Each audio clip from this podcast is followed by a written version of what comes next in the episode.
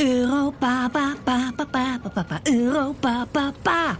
Lekker nummer, hè? Ja, Joost Klein. Songfestival. 3 minuten. 15% winstkans. Nu al een hit. Zo, zo. Als het om nieuws gaat, hou je het liever bij de feiten. Daarom lees je nu.nl. Nu.nl. Houd het bij de feiten. Al 25 jaar. Ga naar nu.nl of download de app.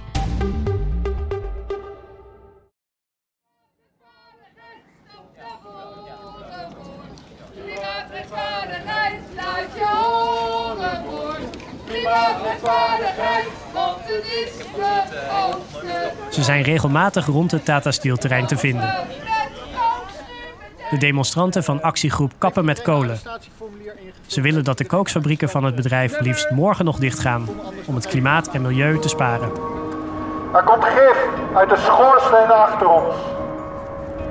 Tegen de werknemers zeggen we: We laten jullie niet in de steek. Jullie mogen niet de dupe worden van het winstjacht van de eigenaren en het falen van de politiek. Dat betekent. dat Maar de uitstoot is niet alleen iets van de laatste jaren.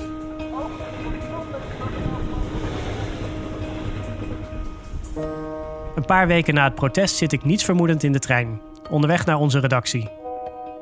Op mijn telefoon zie ik een bericht van een collega. Hij stuurt iets door dat persbureau ANP net heeft gepubliceerd in de categorie Media Watch. Dat wil zeggen dat een ander nieuwsmedium iets nieuwswaardigs heeft gepubliceerd. Dit is Avrotros met één vandaag. Goedenavond. Tata Steel in IJmuiden stoot al bijna een halve eeuw kankerverwekkende stoffen uit. En weet dat ook. Blijkt uit een luchtkwaliteitsrapport uit 1975 in het bezit van één vandaag.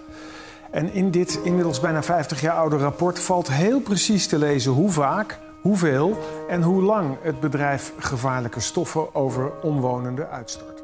Weet ik hier iets van? vraagt mijn collega. Was ik ook niet bezig met onderzoek naar de geschiedenis van Tata Steel? Ja, dat was ik. En, vertel ik hem, ik vrees zelfs dat ik de bron ben van deze scoop, die nu bij de concurrent is beland. Waar komt het opeens vandaan? Ja, soms heb je als journalist wel eens dat er iets in je mailbox valt. En eh, dat gebeurde recent eh, bij mij. En toen ben ik met een paar collega's erin gedoken en gekeken van ja, wat is dit voor rapport? Het was ook niet helemaal compleet. En toen hebben we het eh, gevonden in het Noord-Hollands archief. En, toen zijn we Ik vond dit rapport in het archief en stuurde door naar een bron. En daarna gaat het document een eigen leven leiden, totdat ik er op deze woensdagochtend ineens over zit te lezen in de trein. Ook dat het eh, zo lang geleden is. Iedereen had dit dus al kunnen weten. En daar is al de afgelopen 10 jaar, 15 jaar heel veel over gepraat. En eigenlijk staat het dus al in een rapport van 50 jaar geleden. Ik vertel dit niet omdat ik zo graag mijn eigen journalistieke blunders deel, maar omdat het me toch een beetje verbaast dat alle nieuwsmedia zo enthousiast op dit archiefstuk duiken. Na 50 jaar is dit onderzoek ineens explosief geworden en vragen omwonenden de overheid om zich te verantwoorden. Er wordt zelfs gespeculeerd of dit allemaal bewust onder de pet is gehouden, terwijl het rapport helemaal niet geheim was. Het lag open en bloot in het archief. Bijna 50 jaar geleden is het ook gepubliceerd, maar toen kraaide er geen haan naar. Drie paragrafen op pagina 6. Meer ruimte besteden de Volkskrant er niet aan. Die verschillende reacties zeggen veel over hoe we denken over de gezondheidsimpact van de staalfabriek. Nu en toen. Maar dit ene rapport zegt ook niet alles. In het archief is nog veel meer te vinden over wat we vanaf de jaren 70 al wisten over de impact van de hoogovens. Wat er sinds die tijd is veranderd om het milieu beter te beschermen en hoe milieuproblemen vaak ook werden genegeerd als het economische belang voorging. Ik ben Annemarie Rozing, nieuwslezer bij Q-Music en opgegroeid onder de rook van de hoogovens. En ik ben Jeroen Kraan, klimaatjournalist bij nu.nl. Je luistert naar Tata's IJzeren Greep. Dit is aflevering 4. Herenakkoord.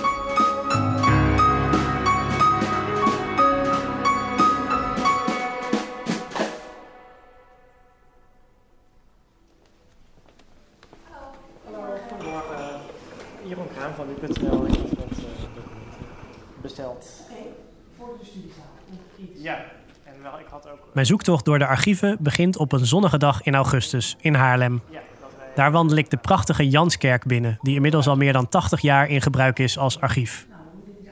Waar vroeger de kerkbanken stonden, neem ik nu plaats in de studiezaal om dikke stapels documenten van de provincie Noord-Holland en de verschillende Eimondgemeenten door te nemen. Kom je hier vaker, denk je? Of zeg je nou, dit is een eenmalig bezoek? Ja, ik kom misschien nog wel terug, maar ik denk niet... Je mag hoor. Nee, nee, als ik gewoon een nummer dan... Oh, oké, prima.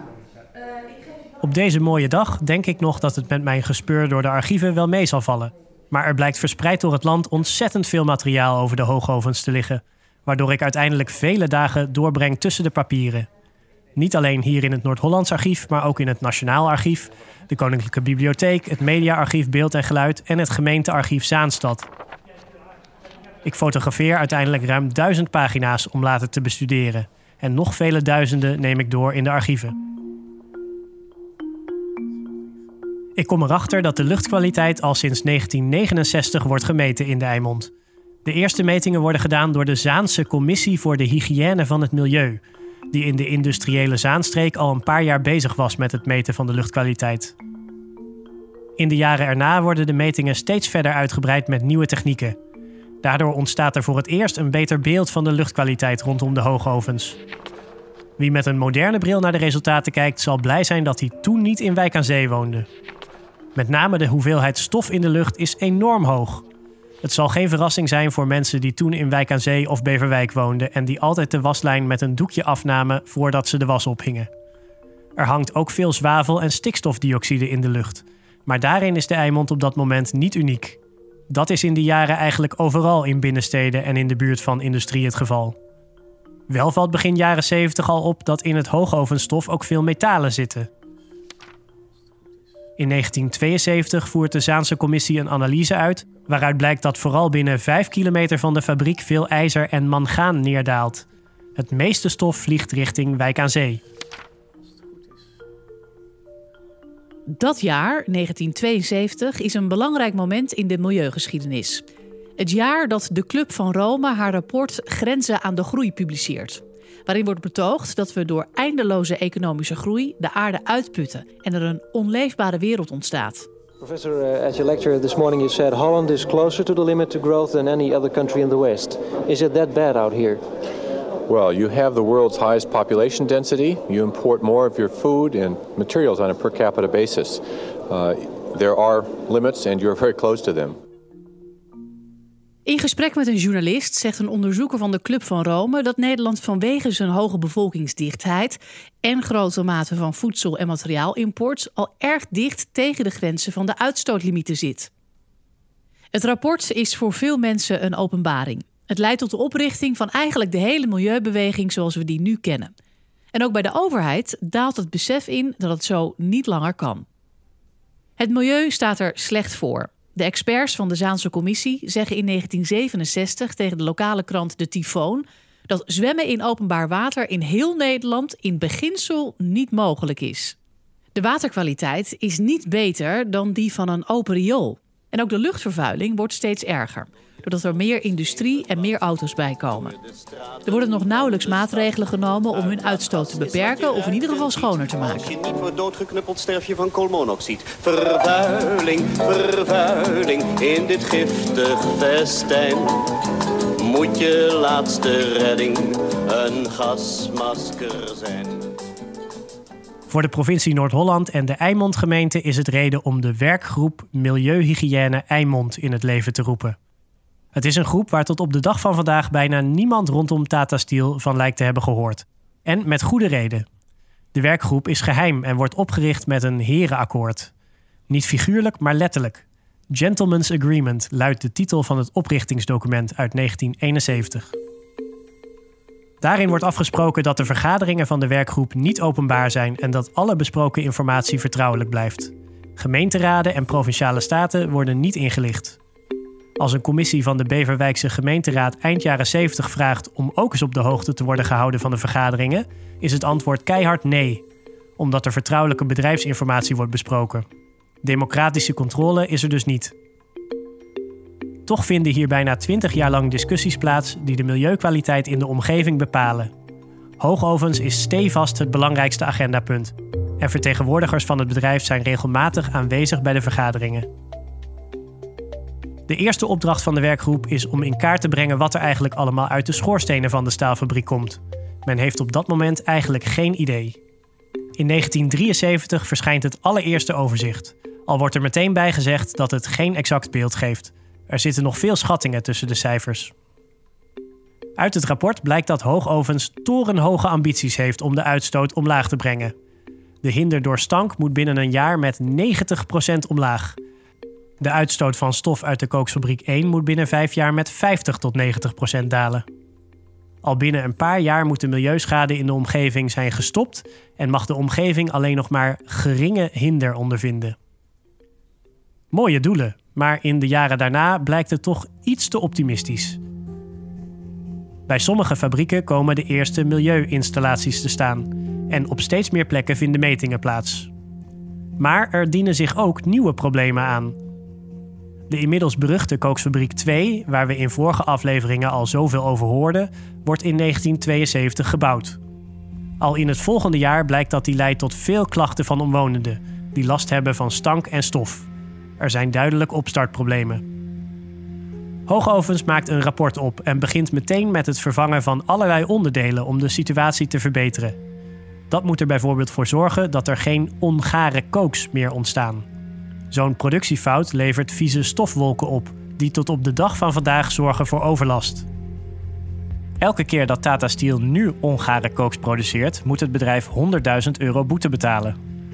Maar al in 1975 blijkt Hoogovens aan de overheid te beloven dat ongare kooks door de genomen maatregelen praktisch tot het verleden behoren. Ook langs de deuren van de kooksfabriek blijkt meteen veel giftige uitstoot weg te lekken. Hoogovens belooft verbeteringen. Maar inmiddels weten we dat de problemen, bijna 50 jaar na dato, nog steeds een blijvertje zijn. Hoogovens heeft het in die jaren economisch moeilijk. In 1973 is er een energiecrisis en de inflatie is torenhoog. Duizenden medewerkers van de fabriek staken met succes voor een hoger loon. Vanaf 1975 draait Hoogovens jarenlang flinke verliezen. Werknemers worden gedwongen minder uren te werken. Het zorgt ervoor dat de staalfabriek ook gaat twijfelen over de milieumaatregelen. Zijn die nu allemaal wel nodig? Een filterinstallatie bij de Sinterfabriek zou de uitstoot van stof kunnen halveren, maar het gaat wel 10 tot 15 miljoen gulden kosten. Het bedrijf zegt dat niet zinvol te achten. De overheid stemt ermee in dat de investering wordt uitgesteld. Toch wordt in die eerste paar jaar wel vooruitgang geboekt. De uitstootcijfers zijn in deze periode nog niet geweldig, maar de totale stofuitstoot lijkt in de jaren 70 ongeveer te zijn gehalveerd. En dan verschijnt in 1977 het rapport over de grote hoeveelheid pakstoffen in de omgeving. In die jaren is bekend dat zogeheten polycyclische aromatische koolwaterstoffen kanker kunnen veroorzaken. Als de lucht in de Eimond wordt gemeten, blijken er met name in Wijk aan Zee veel paks in de lucht te zitten. De metingen wekken de sterke indruk dat beide kooksfabrieken een niet geringe invloed hebben op de pakconcentraties in het Eimondgebied. Dat schrijven de onderzoekers. Het rapport wordt gepubliceerd, maar krijgt weinig aandacht. De provincie overlegt met Hoogovens over vervolgmetingen op het terrein zelf. Zo moet duidelijk worden of de kooksfabrieken inderdaad veel pakstoffen uitstoten. Maar al snel loopt de discussie uit op gebakkelei over de meetmethode en de kosten. Hoogovens heeft net een nieuwe vergunning gekregen en een speciale werkgroep die werkte aan milieuplannen van de Hoogovens hoeft daarom van de provincie niet meer regelmatig samen te komen. Het vervolgonderzoek naar pakstoffen lijkt nooit te zijn uitgevoerd. Het oorspronkelijke pakrapport belandt in een la. Het zou ook de medische gemeenschap in de Eimond niet bereiken, vertelt Albert van der Heijden, de longarts die je hoorde in de vorige aflevering. Volslagen onbekend. Nooit gezien, nooit iets over gehoord, nooit in de staf besproken. Ik heb dat nog met een aantal uh, oud-collega's uit Beverwijk. Voor iedereen was het een even grote verrassing dat het er was, maar het is nooit in de staf ter sprake gekomen. Ja. Maar hoe duidt u dat dan, dat er toen nou ja, zo weinig aandacht voor was? Nou, dan mag je zelf de verklaring voor geven. En die is heel voor de hand liggend. Je moest dus de industrie uh, en de werkgelegenheid natuurlijk wel uh, bewaren. Na de eerste periode van milieuinvesteringen bij hoogovens wordt het weer stil. In de vergunning van 1978 stond een meerjarenplan met allerlei milieuverbeteringen. Maar als dat is afgerond, komt er geen vervolg. De aandacht lijkt weer te verschuiven naar andere zaken. Hoogovens is in die jaren gefuseerd met het Duitse Heusch, maar de samenwerking mislukt. In 1982 wordt de fusie ongedaan gemaakt en moet Hoogovens worden gered met 1 miljard gulden uit de staatskas. De milieuinvesteringen komen stil te liggen. In de jaren 80 blijft de uitstoot van het bedrijf gelijk of stijgt die zelfs een beetje. En dan, halverwege de jaren 80, noteert Hoogovens weer zwarte cijfers. Maar nieuwe milieuplannen zijn er niet, terwijl het aantal stof- en stankklachten uit de omgeving hoog blijft.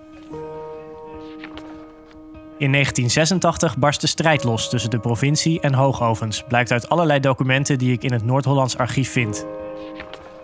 Als ik ze in Haarlem zit door te nemen, heb ik niet meteen door dat deze jaren beslissend zijn voor de milieusituatie in de Eimond.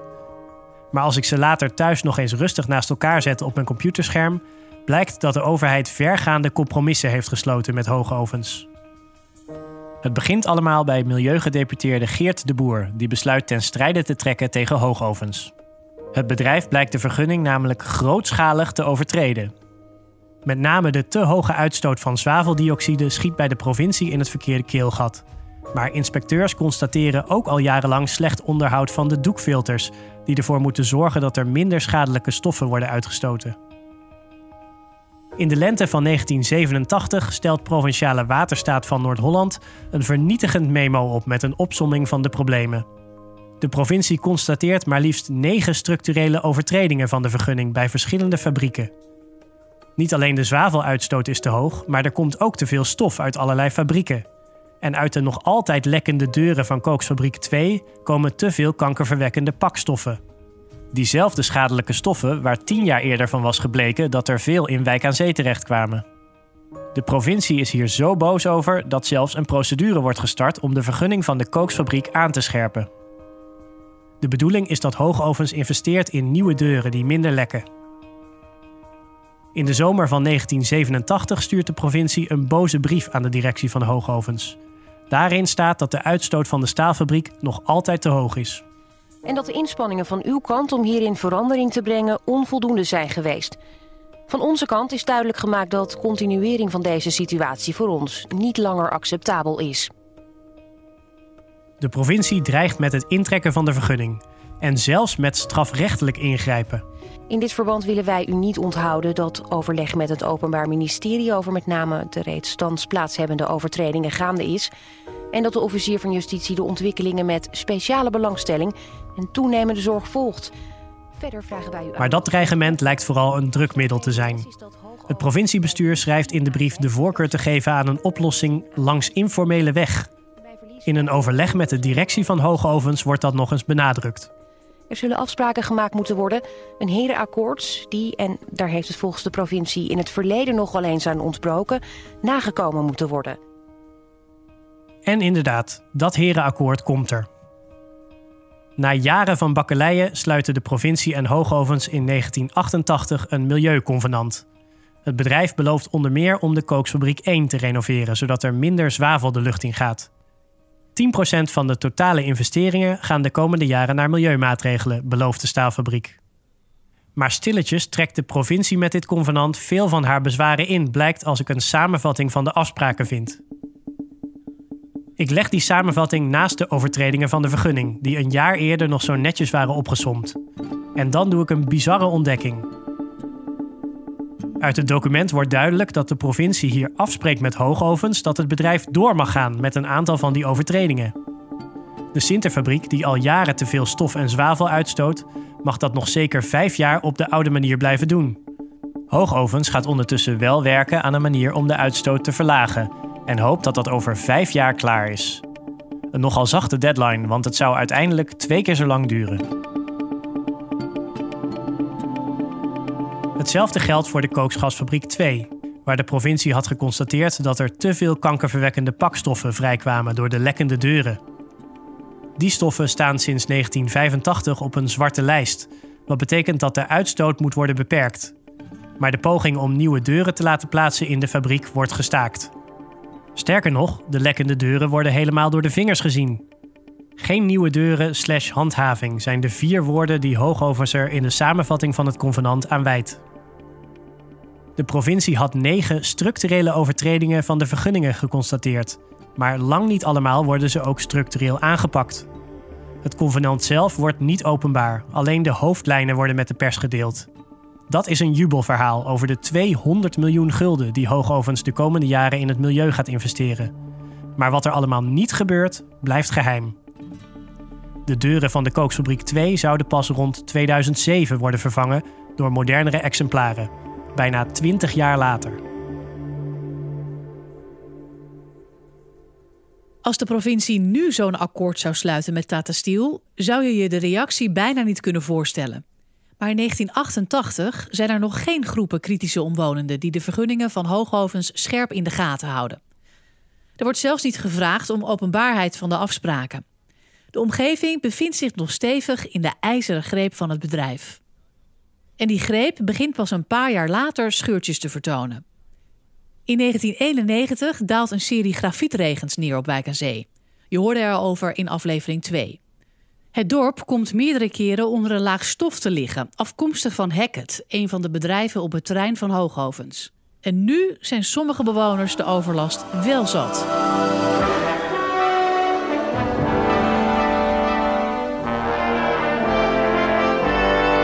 Hoogovens IJmuiden ligt min of meer boven Wijk aan Zee.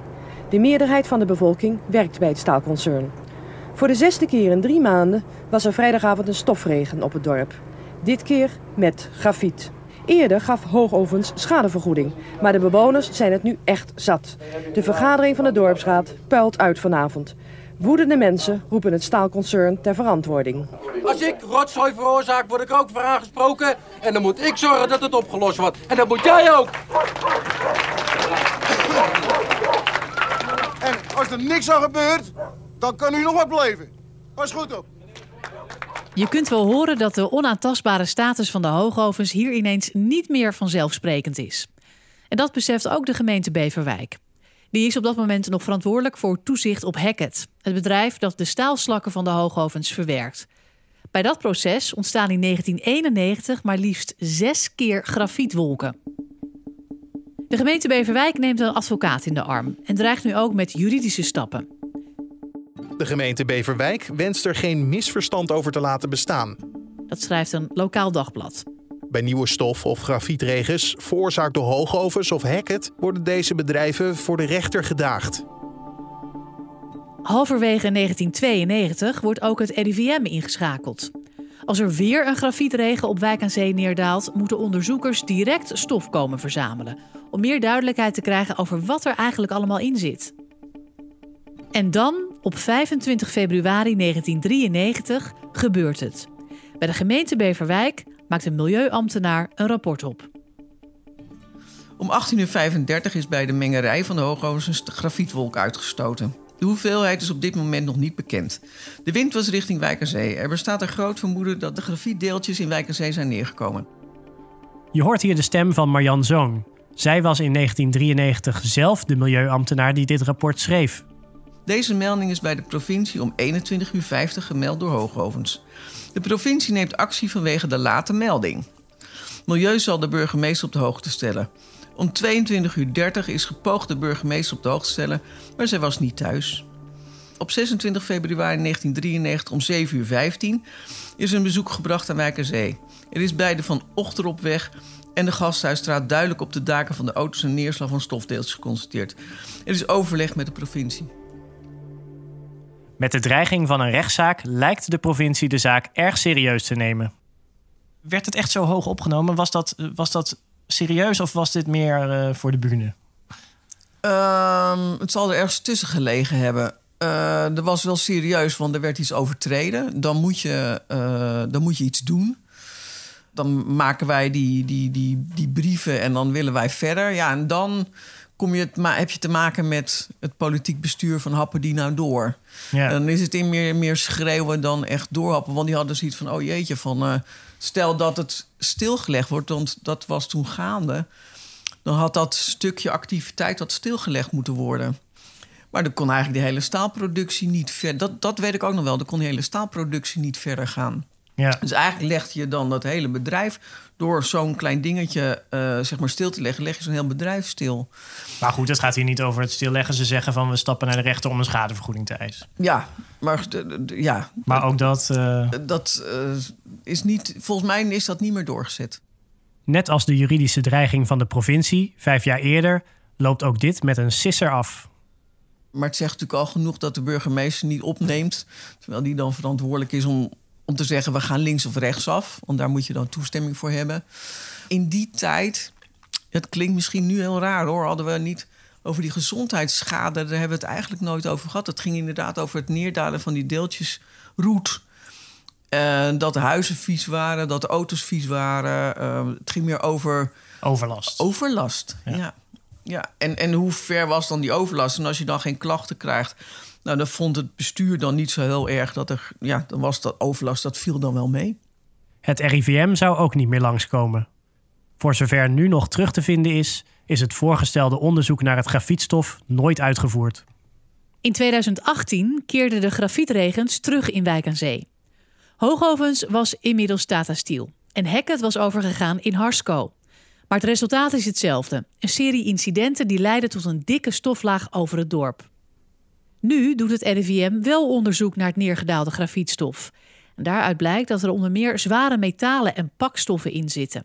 Met name voor buitenspelende kinderen vormen die een risico, concludeert het RIVM. Een conclusie die dus al 25 jaar eerder getrokken had kunnen worden als het onderzoek toen wel was uitgevoerd. Het belangrijkste wat er in die tussenliggende jaren is veranderd, is de houding van de omgeving.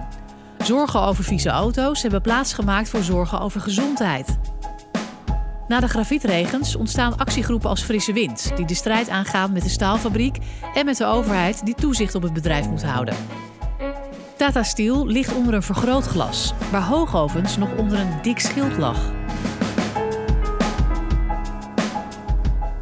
In de volgende aflevering zien we de eerste deuk in dat schild. En we komen meer te weten over een omstreden deal die wordt gesloten tussen de overheid en Tata Steel. Ik ben eh, Wim Bakker. Ik heb een aantal jaren als eh, vergunningverlener eh, gewerkt bij de provincie Noord-Holland. En gewerkt aan het dossier Hooghovens, Corus, Tata. Tata's IJzeren Greep is een podcast van nu.nl. De serie wordt geregisseerd en geproduceerd door David Achter de Molen van het podcastkantoor. Onderzoek en presentatie worden gedaan door ons, Annemarie Rozing en Jeroen Kraan. En de eindredactie ligt in handen van Frank Brinkhuis. Vond je dit een interessant verhaal? Laat dan vooral even een recensie achter, zodat we beter vindbaar worden voor nieuwe luisteraars. En wil je ook de volgende aflevering niet missen? Abonneer je dan op dit kanaal op de plek waar jij het liefst naar je podcast luistert of via nu.nl slash tatastiel. Heb je een reactie of een tip? Stuur dan een mailtje naar mij, jeroen.nu.nl.